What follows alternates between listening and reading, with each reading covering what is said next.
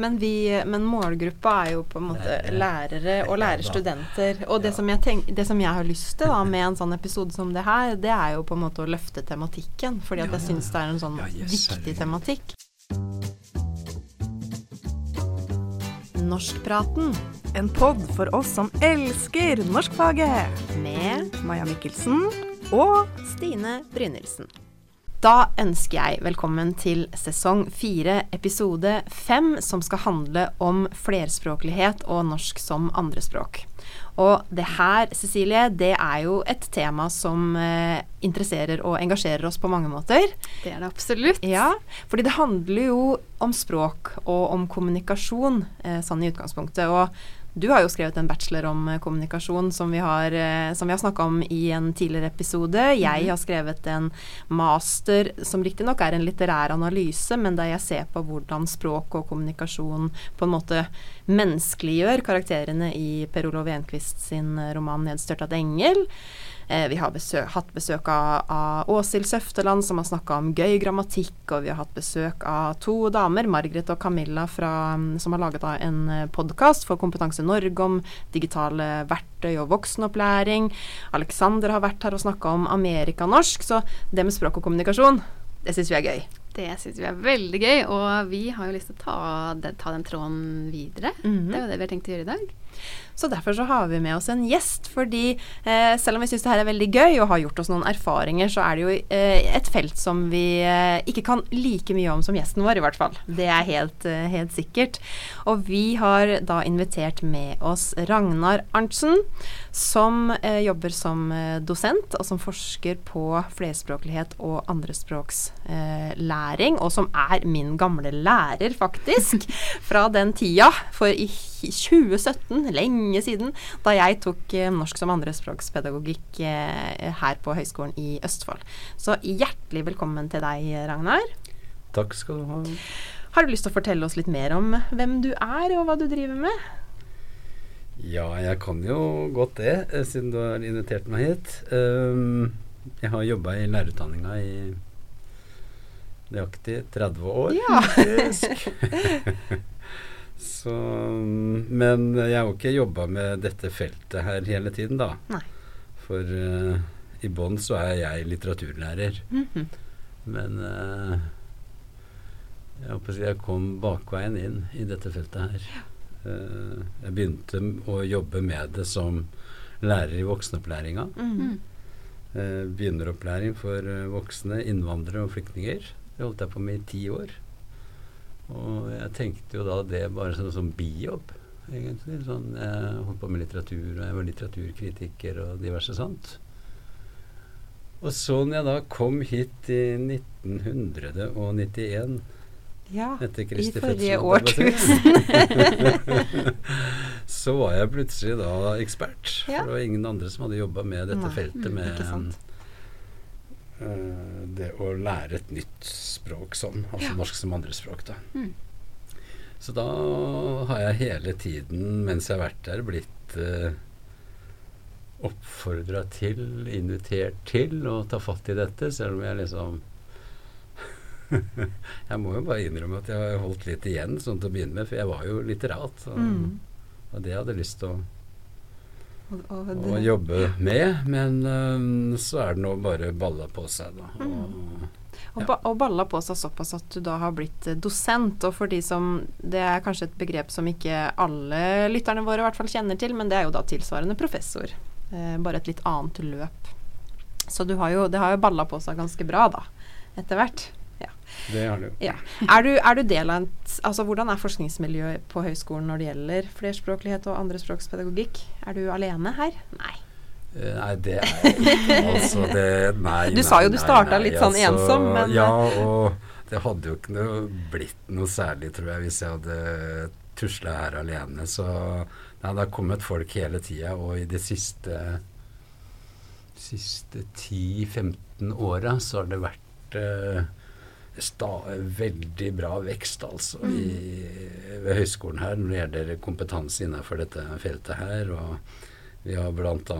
Uh, knytta til oss to fremragende forskere med internasjonale navn, som har hatt professor to-stillinger her, og som jeg har hatt uh, gleden av å jobbe sammen med og lære utrolig mye av. Så uh, nei, jeg har jobba egentlig hele tiden sammen med andre Mm. og lært veldig mye av det. Men det har jo skjedd en enorm utvikling siden, eller på de 30 åra som du har vært her. Da. Vil du si litt om det, og kanskje eh, behovet da, i samfunnet generelt, som har forsterka seg?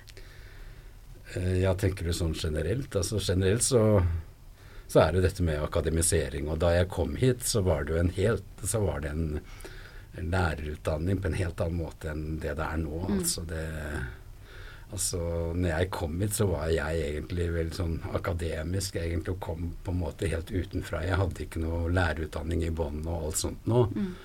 Eh, mens nå er det jo å komme, altså De som ansettes nå, har jo doktorgrad og det, det, er- det, er- det helt annen institusjon. Ja. Så studentene får en helt annen utdanning. Mm. Det er helt sikkert, altså. På godt og vondt. Så har det vel også blitt et annet fokus i forhold til det her med eh, å drive norsk opplæring, da, eller å drive med ja, språkopplæring av, av innvandrere, flyktninger, altså de som kommer hit. Eh, du har bl.a. tipsa meg tidligere om en, en kunnskapsoppsummering fra 2018. Ehm, der, eh, Jeg har ikke lest hele, det skal jeg innrømme, men jeg har begynt. Eh, og der, der sier de jo noe bl.a. om strukturelle endringer som har skjedd i samfunnet da, i forhold til, til eh, hvordan man starta med opplæring, og hvordan man nå tenker. Um, og bla, og en, en ting som også nevnes der, er jo at uh, det er ganske mange ufaglærte, altså folk som lærere da, som ikke har f.eks. norsk som andrespråkspedagogikk som underviser, men at forhåpentligvis at det blir eh, flere og flere av det. Det er jo du med på å, å, å undervise oss om. Det, du, som sagt så, så har du jo da det emnet som heter norsk som andrespråkspedagogikk, som er et sånn kompetanse for kvalitet-emne, som er etter- og videreutdanning for, for lærere. Har du lyst til å si litt om det emnet, hva det handler om, og hvem det er for? Eh, andrespråkspedagogikk, det heter jo det da. Altså fordi norsk som andrespråk er jo egentlig sånn, jeg holdt på å si, skolepolitisk egentlig på vei ut. Som begrep, tenker ja, du? Mm. Ja, ja. Eh, altså, ja. Uh, I forhold til direktoratet og det som har skjedd innenfor dette feltet her. Altså norsk som andrespråk, det er jo egentlig forsvunnet ut av, eh, av læreplanverket. Nå heter det jo GNOSM, eller hva de kaller det for. Grunnleggende norsk for språklige minoriteter, heter det nå. Mm. Og da jeg begynte med dette her, så hadde vi etter- og videreutdanningskurs i norsk som andrespråk, men det har vi ikke lenger. Nei. Nå har vi Andrespråks. andrespråkspedagogikk, og jeg anser meg vel kanskje ikke som pedagog, men eh, jeg gjør så godt jeg kan. Ja, det var, eh, du, du, det var et godt eh, studie, det kan, jeg, det kan jeg si. Det har jo skjedd litt med det siden jeg gikk der. Nå har dere spesialisert det for én til ti lærere i det studiet som du har, og så er det et annet som er for 11 til 13. Eh, mens da jeg tok det, så var det jo mm, hele spennet fra første trinn og opp til 13. trinn. Men jeg har bare lyst til Du sier noe om det her med begrep.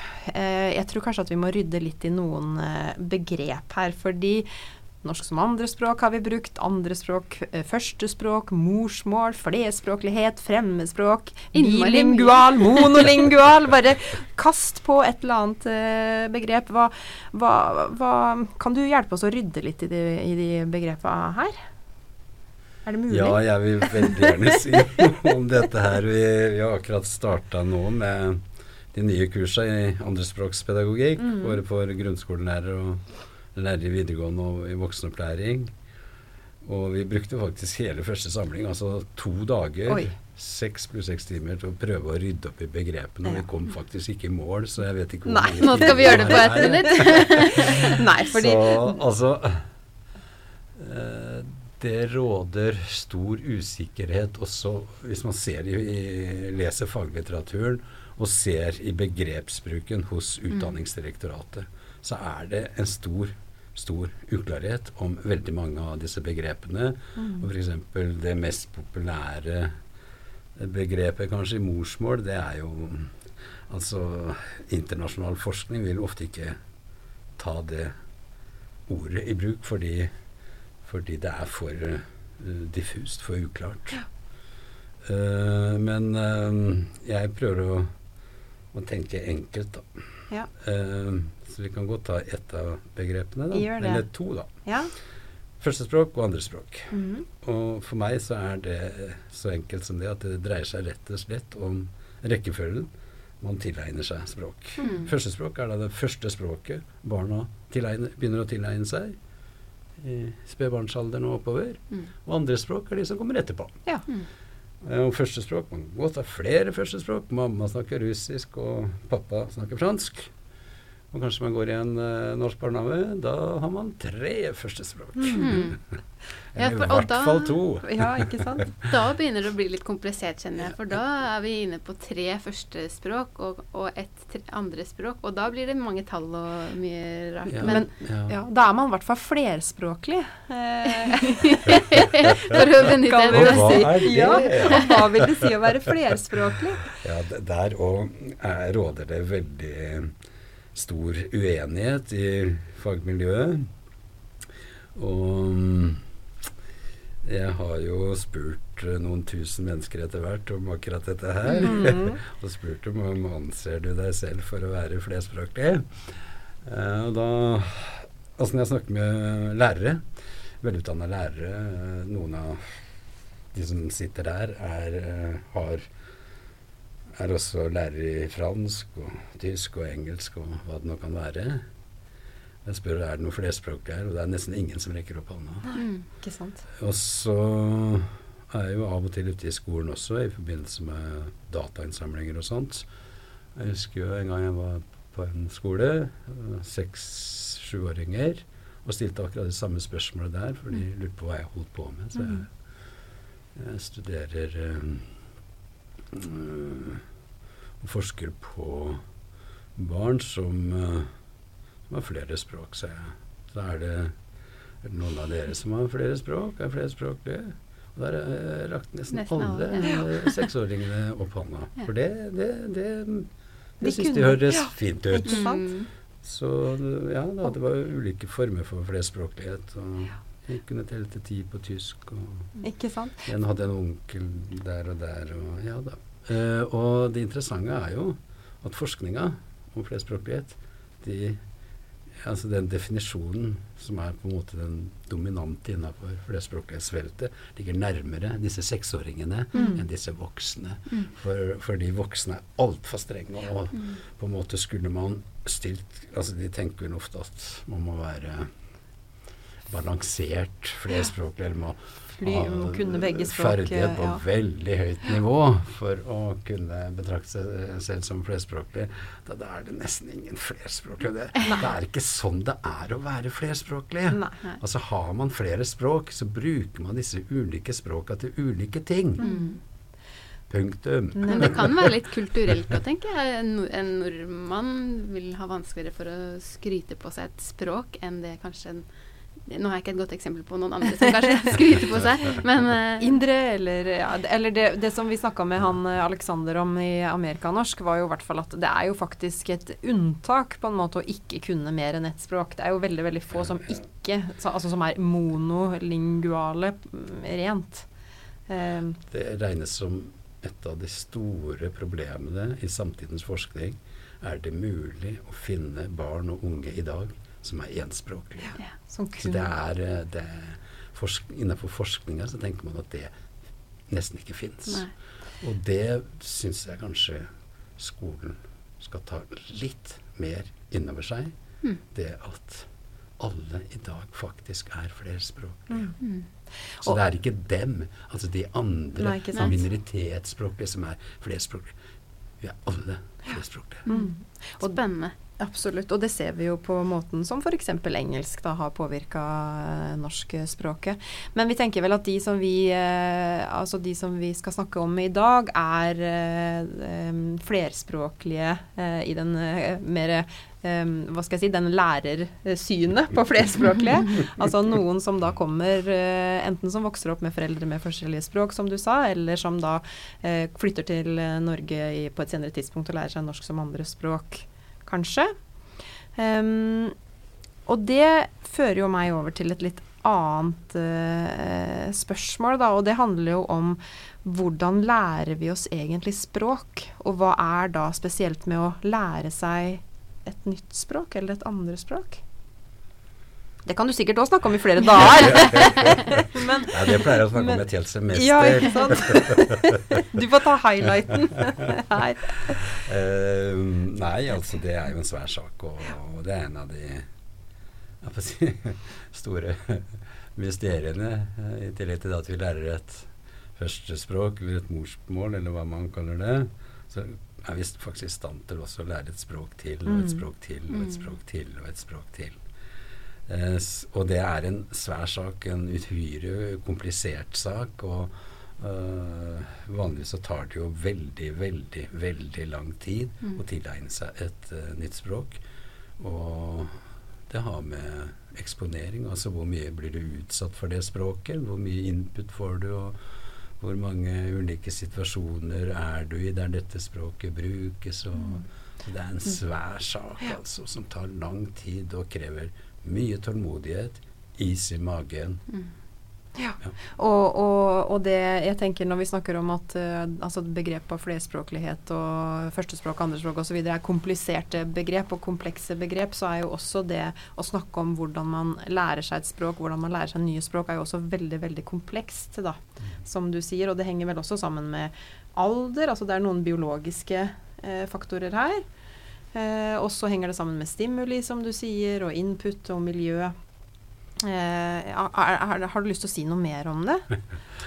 ja, ja, jo, man har jo selvsagt det. Mm.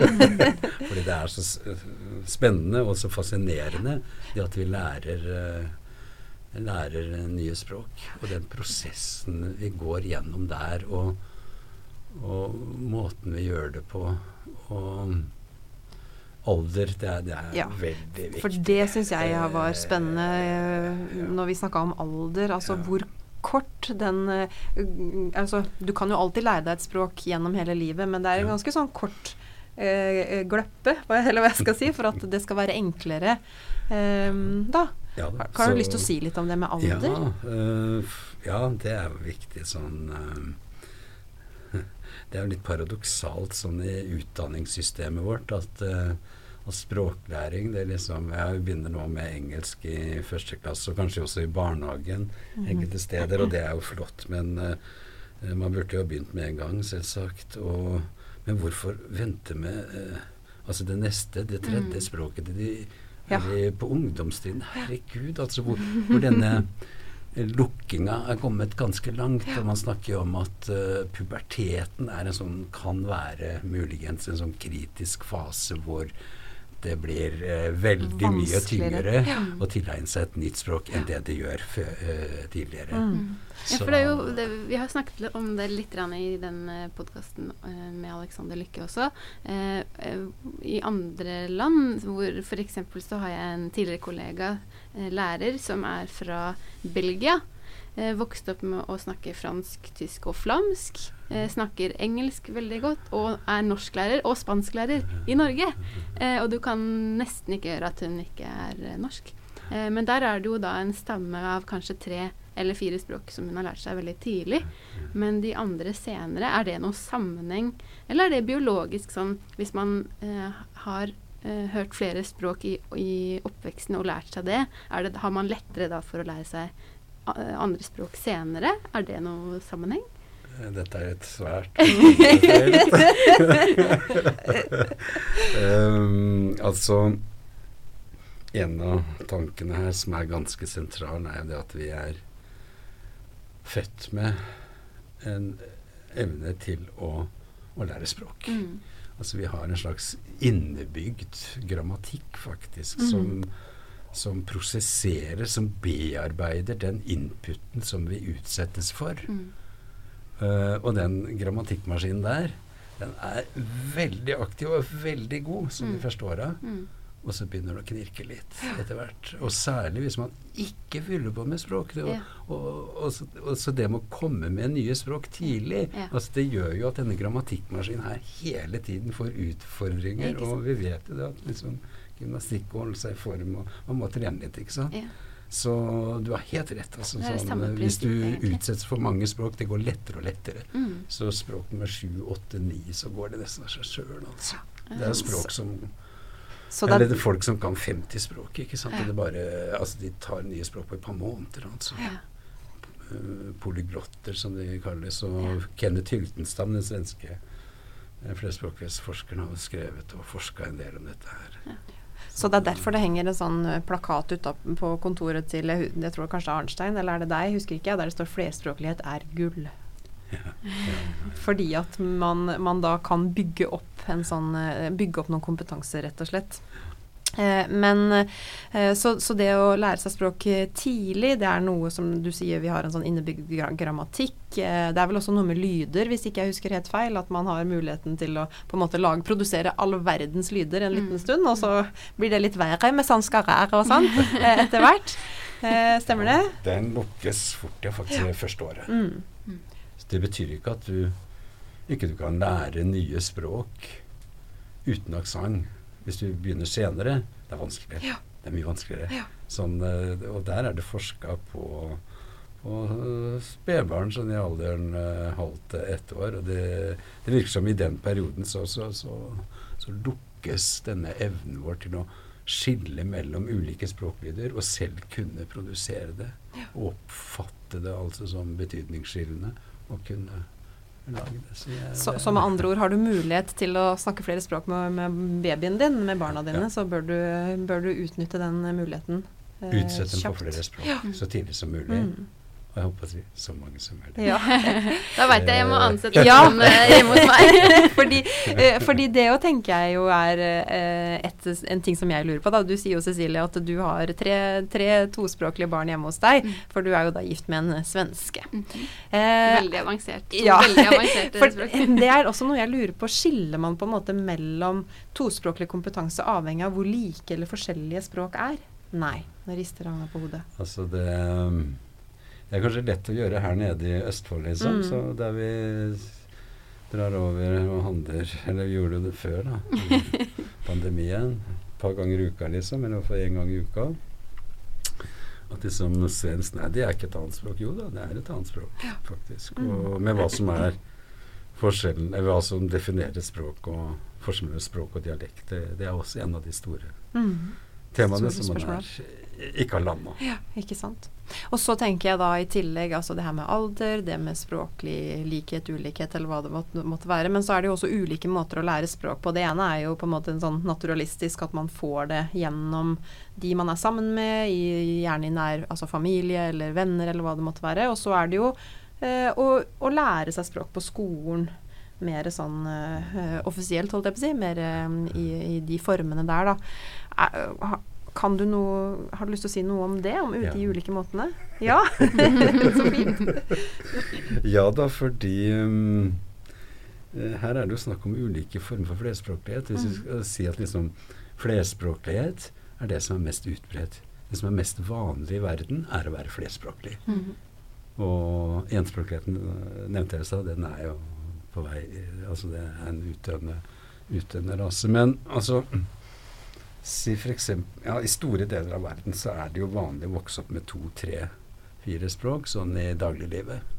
Det er både store deler av det afrikanske kontinentet, store deler av Asia, særlig sørlige deler av Asia og bortover, er jo det veldig vanlig. Og der lærer man jo disse språka som å si, i familien, og det er flere språk i familien, og det er flere språk i gata i nærmiljøet. Mm. Så det er den mest vanlige måten å lære flere språk på. Og det kan nok være en av grunnene til at man ikke tenker så mye ferdighet Mm. eh, når folk kommer fra andre deler av verden og sier ja, jeg kan selvsagt flere språk. Mm. Fordi det er så hverdagslig sak for dem. Mm. Og det er så naturlig at selvsagt disse ulike språka som de kan eller bruker, de bruker de til forskjellige ting. Mm. Så det, det, det, har sikkert aldri falt dem inn å gjøre sånn som oss og liksom tenke på ja, kan og kan, ja, hvor mye kan Ja. du egentlig da? Kan du ikke det? så det Ja. Ja. Uh, og så har du den derre skole Uh, skolske læringa av språk, som jo er noe ganske så annet. Mm. og som er blitt også noe veldig annet. F.eks. når jeg gikk på skolen, jeg begynte vel med engelsk i fjerde eller femte klasse, og, og da brukte jeg jo bare engelsk i klasserommet. Mm. Jeg gjorde, var ikke så flink til å gjøre lekser heller, men uh, det var ikke noe snakk om å bruke engelsk utafor. Det gjør man i dag. Ja. Og det er på en måte Det er et paradigmeskifte, altså, som lærere sikkert uh, er veldig oppmerksom på og Ja. tar i bruk. Absolutt. Altså, det at eh, barna eh, fra tidlig alder av, fra andre til tredje klasse av, så begynner de å bruke engelsken utenfor klasserommet til egne ting i privatlivet sitt. Mm. Det er spennende, altså. Men nå hører jeg at du For dette engasjerer deg. Eh, og du har mange ting du er engasjert eh, for, men hva er det du har forska på? Eh, hva, hva er ditt mest felt? Ja. Ja, det kan du jo spørre om. Eh, nei, ja. Eh, altså, jeg begynte å forske på dette her, så vidt jeg husker, eh, ved at jeg fikk et oppdrag for en uh, kommune å være en slags um, veileder for lærere og, i barnehage og skole. Uh, hvor jeg skulle da følge andrespråksutviklinga til en eh, gruppe barn, 30, 30 barn, fra barnehage og over i skolen. Mm. Siste år i barnehage og, og ut andre klasse. Mm.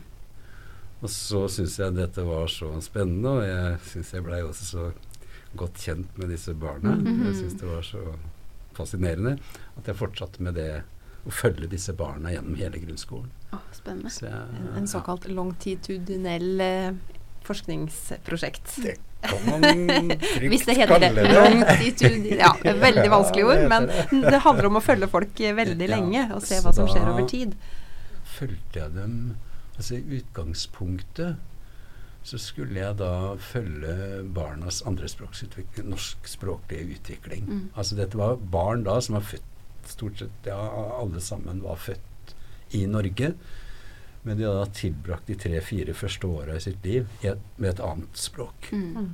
Og så Hjemme. begynte, ja, ja, ja. Mm. Og så begynte de da i barnehage. Og så liksom Å ja, de skal lære norsk, ja, de, og de skal straks begynne på skolen. Mm. og der er opplæringsspråket norsk. Ja.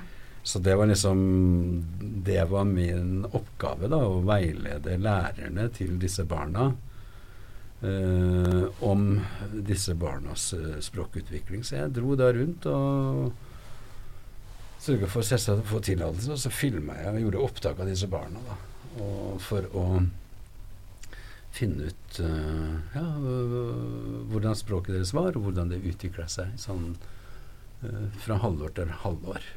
Og så dro jeg ut og snakka med lærerne om disse ulike barna. Da, og fortalte dem ja, oi, nå har de lært dette. Fantastisk. Det er jo et eh, veldig godt eksempel på eh, å forske med praksisfeltet, vil jeg si, hvor man faktisk går inn og, og, og titter på noe så nøye, og så går tilbake og snakker med de som jobber med dem hver eneste dag. Eh, vil du si litt om hva du fant i den forskningen, og hva slags samtaler du hadde med de lærerne?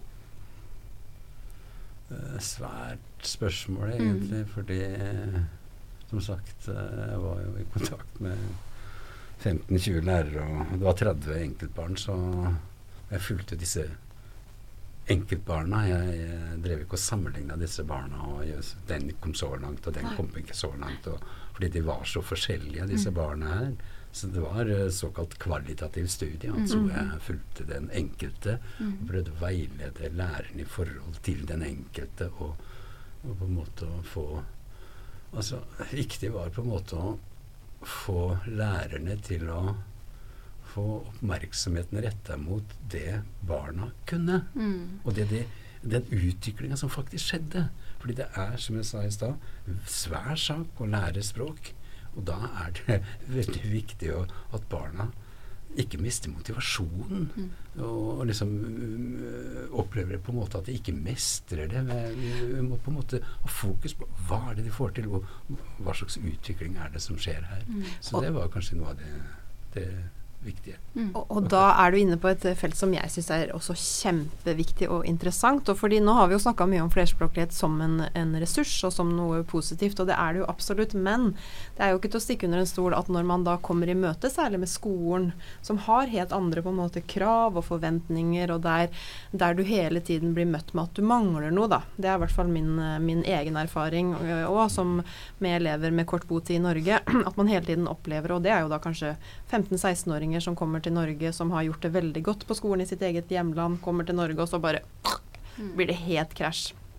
Eh, og det, det tenker jeg er et sånn kjempedilemma. da, Veldig vanskelig for en lærer å stå oppi. Eh, for det første så må man ha kunnskap om eh, flerspråklighet og det som du peker på, at det faktisk skjer en utvikling. Se her, da. Han har jo faktisk fått med seg mye. Eller tenk på at han kan jo ditt og datt på sitt eget språk, eh, samtidig som du da som lærer skal hjelpe de videre. Eh, liksom Reflekterte lærerne du prata med noe om, eh, om det her, med hvordan man hvordan kan man liksom klare både å motivere og støtte, og samtidig hjelpe dem inn i det litt sånn firkanta systemet, da? Ja, det er en svær sak, altså. Mm. Det er ikke lett, men uh, det jeg vel har kommet uh, mer og mer til, ettersom jeg jobba mer og mer med dette her, at uh, i veldig høy grad er en, et holdningsspørsmål. Mm. Hvordan, altså du, du snakka sjøl Du brukte vel sjøl begrepet altså om du er problemorientert eller Mm. ressursorientert. Og er du problemorientert, det, det sier seg sjøl, da blir det jo veldig vanskelig. Ja. Og veldig utfordrende, og man kan sitte lenge og peke på disse utfordringene. Eh, Jeg er mer opptatt av at dagens klasserom og dagens barnehager er flerspråklige. De er Mm. prega av språklig og kulturelt mangfold. Mm. Ok. Mm. Der, altså, det må lærerne i barnehage og, og skolen ta inn over seg. Og når vi snakker ja, og, og jeg, ja, det, det er jeg helt enig i, og det er jo noe av det som jeg tenker er En av grunnene til at jeg har lyst til å lage denne podkasten her, er fordi vi har lyst til å på en måte fortelle om det temaet her, og eh, introdusere det for, for lærere. Og så vil jeg jo også slå et slag da for å ta en sånn type etterutdanning, sånn som jeg gjorde. Fordi det, eh, selv om jeg da jeg, Da jeg starta på, på jobben min den jobben min, Jeg begynte jo i 2006, og så bytta jeg skole i 2009. Akkurat når norsk som andrespråk ble et eh, eget fag, så var det ingen på jobben min som ville ha det. Så sa de vær så god, det kan du ta. Så sa jeg ok, takk, hvordan gjør jeg det? Nei, det var ingen som visste. Sånn at jeg rodde jo veldig mens veien ble veldig til mens jeg gikk. Jeg gjorde virkelig så godt jeg kunne, men jeg tror ikke det var spesielt eh, Altså, jeg vet ikke om det var spesielt bra, eh, men det å få eh, kompetanse, da, teoretisk kompetanse, som jeg da gjorde når jeg tok det andrespråkskurset. Bl.a. det her med eh, at det tar faktisk lang tid. Det tar så og så mange år før man kan komme dit og datt. Det, det er noen eh, biologiske faktorer her. Det er altså det å få kunnskap om det, og den kunnskapen kunne jeg ta tilbake igjen til mine 16-17-åringer ikke sant, og fortelle at du, det er ikke bare deg, det er faktisk sånn. Så, så det, det tenker jeg er veldig, veldig viktig, da, fordi det fins vel eh, en del eh, myter der ute òg om hvordan det er å være flerspråklig, og hvordan man best lærer seg språk. Og det var mitt forsøk på å komme med en overgang til, til en eh, artikkel som som vi også tenkte at vi kunne dele med, med de som hører på podkasten i bloggen vår. Den er skrevet på norsk av eh, Else Ryen og Hanne Gram Simonsen i 2015, og den heter 'Tidlig flerspråklighet, myter og realiteter'. Og det er én måte man kan på en måte oppdatere sin kunnskap da, om det å være flerspråklig på en enkel måte. Den er ganske grei å lese. Mm. Og det er en, eh, en eh, artikkel som jeg da ble kjent med gjennom studiet, gjennom da du var lærer, Ragnar. Og når vi foreslo å prate litt om den, så sa du ja, det er en artikkel jeg har blitt ganske glad i. Um, og den handler da om De, de plukker ut ni myter knytta til hvordan det er å vokse opp med flere språk. Og sier at det er viktig å diskutere de mytene fordi at har man denne type oppfatninger da, som da er en myte, så kan det virke hindrende for språkutviklinga fordi man tar noen beslutninger pedagogisk da, som lærer. Um, og så utfordra vi deg jo til å plukke ut uh, et par-tre myter uh, fra den artikkelen her som vi kunne diskutere. Men jeg bare lurer på aller først, hvorfor liker du den artikkelen her så godt? Altså fordi det er så mange myter. Mm.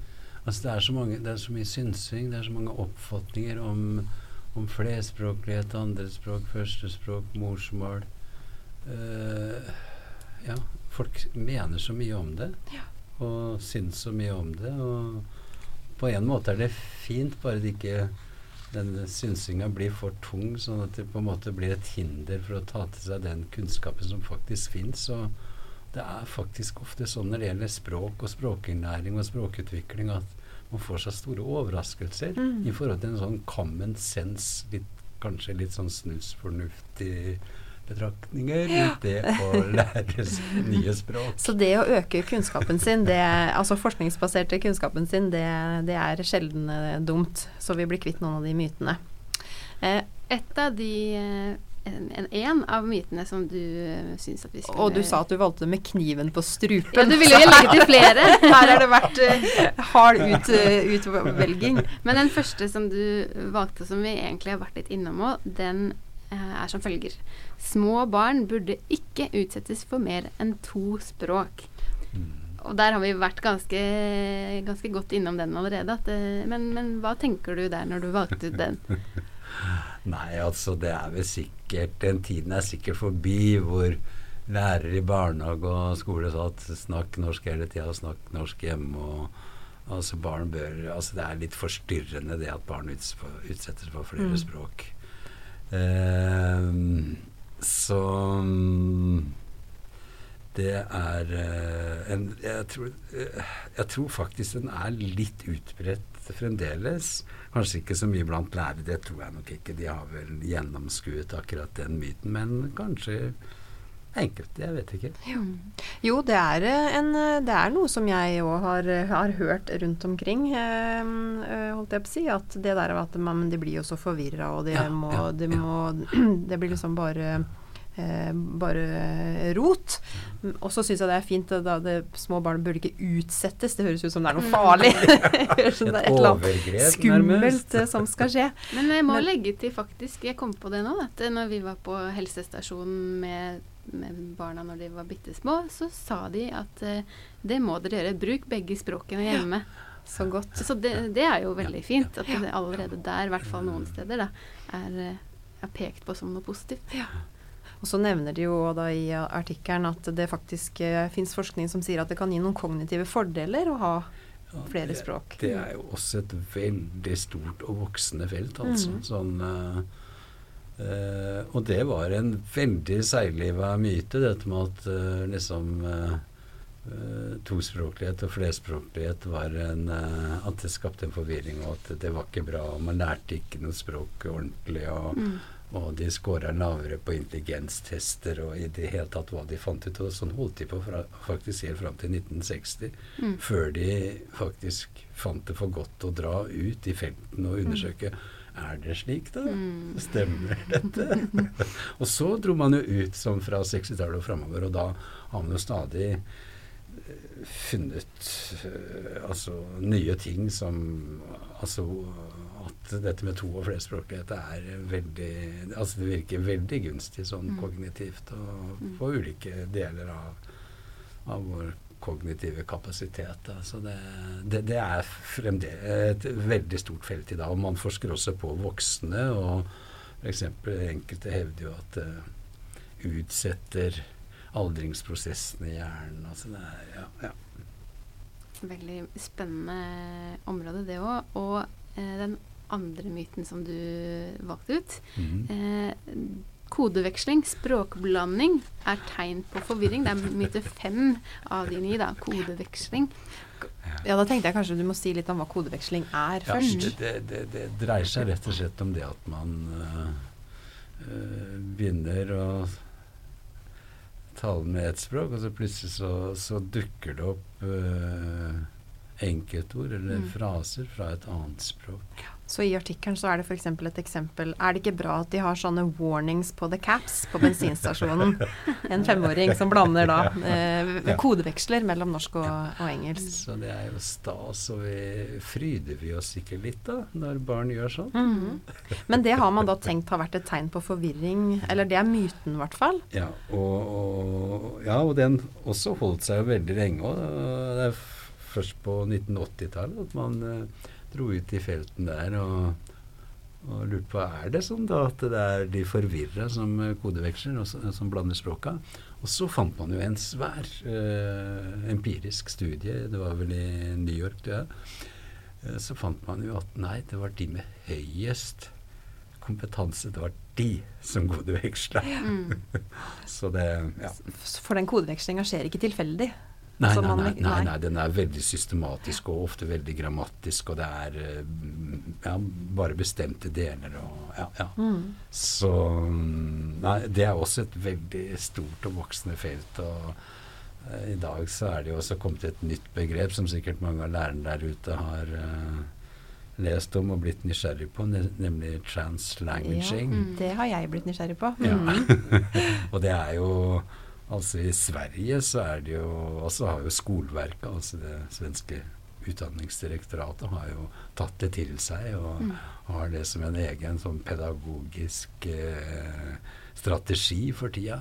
Mm. Så, så, og, og, så det er jo en sånn verdensomspennende eh, greie som er veldig i vinden for tida. Og jeg var jo på en svær konferanse nå i sommer, og det var tydelig at at translanguaging det er liksom det er det store for tida. Og, Mm. og det er jo skal vi si en Altså det dreier seg om det å blande ulike språk, eller det at man alltid Altså er man flerspråklig, så vil man alltid ta i bruk de ulike ressursene man har. Mm. Eh, men selvsagt da med hensyn til den man snakker Mottakeren. med. Mm. Og det som jeg Jeg kan ikke veldig mye om translanguaging, men jeg måtte gå på YouTube og google litt etter at du uh, introduserte det for meg, og da forstår jeg det også som at, um, at translanguaging handler om på en måte å legge positivt til rette da, i klasserommet f.eks. For, eksempel, for Ja, at man kan ja, bruke de forskjellige ja, språka sine. At man ser på det som en eh, ressurs Ja, ja. mer enn et problem. Da. Ja, ja. Så, um, så det er også kjempe, kjempespennende begrep. Og så har du en, eh, en til. Og det er den eh, sjette. Det er viktig å rette feil i grammatikk. Og den er jeg så glad du valgte, fordi det er også en av mine favoritter. Hva tenker du om den myten der? Eh, altså Det er en sånn eh, Jeg liker alltid å snakke om det, men det er litt sånn skrekkblanda fryd. Fordi jeg får alltid sånn motstand på det.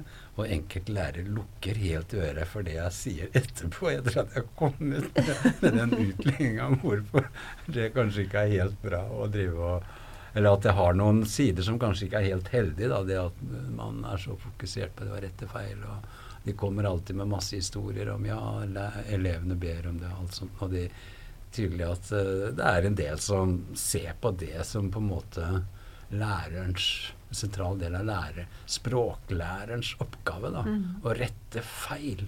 Mm. Mens eh, det er jo Det har lite støtte i forskninga, det òg, altså.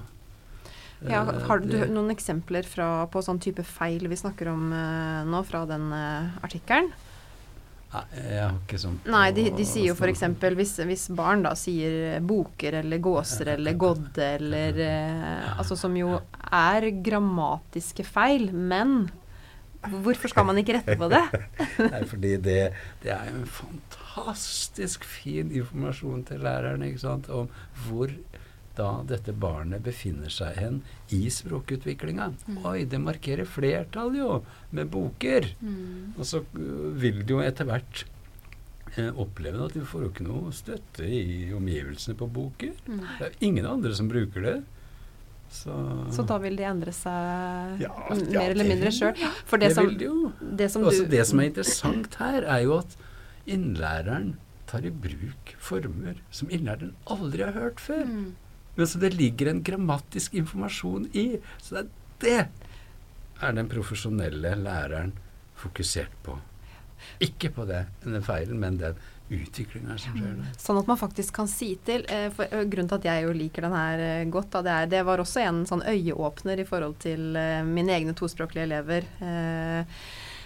Etter at jeg tok da ut, videreutdanninga hos dere, fordi det som den myten her sier, eller det som man forklarer hvorfor det her er en myte, er jo fordi at man kan jo snu det rundt, akkurat som du sier, og se at det her er faktisk en elev som har forstått noe. Som har skjønt at ok, det heter Man kan bruke det, det er når man skal bøye preteritum i, i, på verb. Ok, da heter det sikkert godde. Nei, så gjør det ikke det, da. Men det viser jo egentlig at man har skjønt noe, at man har fått med seg et eller annet. Og som du sa, flertallssending i en bok boker. Eh, men jeg er, jeg er jo Jeg kjenner jo veldig igjen de lærerne som reagerer, da. Jeg må jo si det. Fordi det er en veldig vanskelig balansegang, som vi snakka om i stad òg, å vise at, til elevene at det her har verdi. Men du må lære deg å gjøre det på en annen måte. ja da. Det er jo lett for meg å si, ikke sant. Jeg som sitter på kontoret mitt og ikke er der ute og har det ansvaret som lærerne har. Jeg skjønner godt det, altså. Så og selvsagt, når, eh, når elevene kommer og spør eh, åssen er det da, så, så svarer man jo. Men eh, jeg syns også de svarene kan man godt vente litt med, altså. Mm. Sånn at mm, barnet får prøvd ut litt, og at man heller tar disse formene som barna kommer med, eller eh, ungdommen, eller hvem det nå er. Og så liksom Ja vel, du sier sånn, og så sier du sånn. Har du tenkt noe på det, liksom? Og så, og så snakke med den eleven, og kanskje Mm. flere elever også om det. At man heller utforsker det her. At man ikke sitter der Ja. alene med rødpennen sin, og så får eleven tilbake et sånn blodfarva ark, og så, og så sitter man der på en måte med en følelse av det. Men tar man de samtalene som du sier, sier at det her har en eller annen form for verdi, eh, og, eller forklarer det ut ifra på en måte språket, da, sånn som at mange elever med norsk som andrespråk, de har jo ikke et V2-språk. altså De plasserer jo det verbet på hen- eh, feil i forhold til norsk grammatikk. Da, men at man sier ja, men det her handler egentlig om at på ditt språk, vet du, så sånn og sånn. Eh, Men så må man jo også få de over da til eh, De skal jo tross alt videre i systemet, de skal få seg jobb, de skal framstå på en måte som eh, For det er jo det som er synd, at hvis man ikke framstår som kompetent språklig, så kan man jo fort bli oppfatta som, eh, som mindre kompetent på andre områder òg. Så du har jo en balansegang der som lærer og Jeg også. tror det er eh, mye viktigere for lærerne å snakke om det å lære språk. Mm. Hva det innebærer, Hva det hvor stort arbeid det er, og hvordan man lærer språk. Mm. At, man, at det må brukes. Man må sette seg i situasjoner sånn der, der man hører det og, og bruker det og, og snakker det og leser det og skriver det. Og, og det er ingen snarveier. Det er et stort arbeid. Men Mm. den derre eh, rettinga, den eh, den lurer jeg veldig på hvor, hvor mye den har for seg. Mm. Så det, det, er gjort, det er gjort forskning på dette her som viser at eh, det, det har ikke noe særlig hensikt å lære eh, å rette på elever og lære dem ting som de på en måte ikke er klar til å lære. Da må Så- man, eh, ja, som du sier, diskutere, reflektere, øke inputen kanskje. Altså speile på en måte. Ja, ja. Gi dem gode språkopplevelser. Mm. Det, det, Men nå har vi snakket en del om, øh, om disse barna og ungdommene, og kanskje litt om norsklærere. Men hvorfor er det viktig at alle lærere kan litt om dette? jo, det står i læreplanen. Godt svar. det er alle språklærere, og det er jo altså fordi altså et fag er ikke bare et fag sånn abstrakt. Mm. Et fag er også et språk. Altså matematikk har et eget språk. Det har sin egen måte å, å, å snakke om matematikken på. Det, det, det ser du umiddelbart hvis du leser en side i matematikk. Så Mm. ser du jo med en gang at det er et eget språk. Mm. På samme måte som naturfag har et eget språk. og til og med gymnastikk er jo et eget språk. Og, ja, ja. Så det, det, det må lærerne ta inn over seg. Og det, det er også et det, det blir en klisjé eh, etter hvert for meg. Dette, dette er også et stort forskningsfelt. Ja. Eh, Men NAFO har veldig mye stoff om dette her. Mm. Eh, Så der kan man jo gå inn og, og se på dette med sjangerpedagogikk og sånn som tar opp dette her med vi er alle språklærere, vi er nødt for å ta opp språk i Mm. alle fag. Alle lærere har et ansvar der. Ja. Så den eh, NAFO-siden tenkte jeg også at vi kunne, kunne dele. Vi må, vi kunne jo snakka Du har jo sagt allerede at du har snakka i flere dager om bare enkelte begreper her, så vi kunne sikkert fortsatt eh, mye, mye lenger. Men eh, før vi avslutter, da, så er jeg litt nysgjerrig på én ting, og det er du sa det at hvis du kunne legge til et par myter her De som har lyst, kan jo lese den artikkelen her, men så sa du i tillegg jeg, jeg kunne godt tenke meg å legge til et par myter. òg. har du bare lyst til å kort si litt om hva Hva er det for noen andre myter vi skal slåss mot? uh, siste myten jeg bruker uh, litt Altså Den jeg bruker mest tid på akkurat uh, nå, sånn med begynnerstudenter, er jo myten om Babels tårn. Mm -hmm.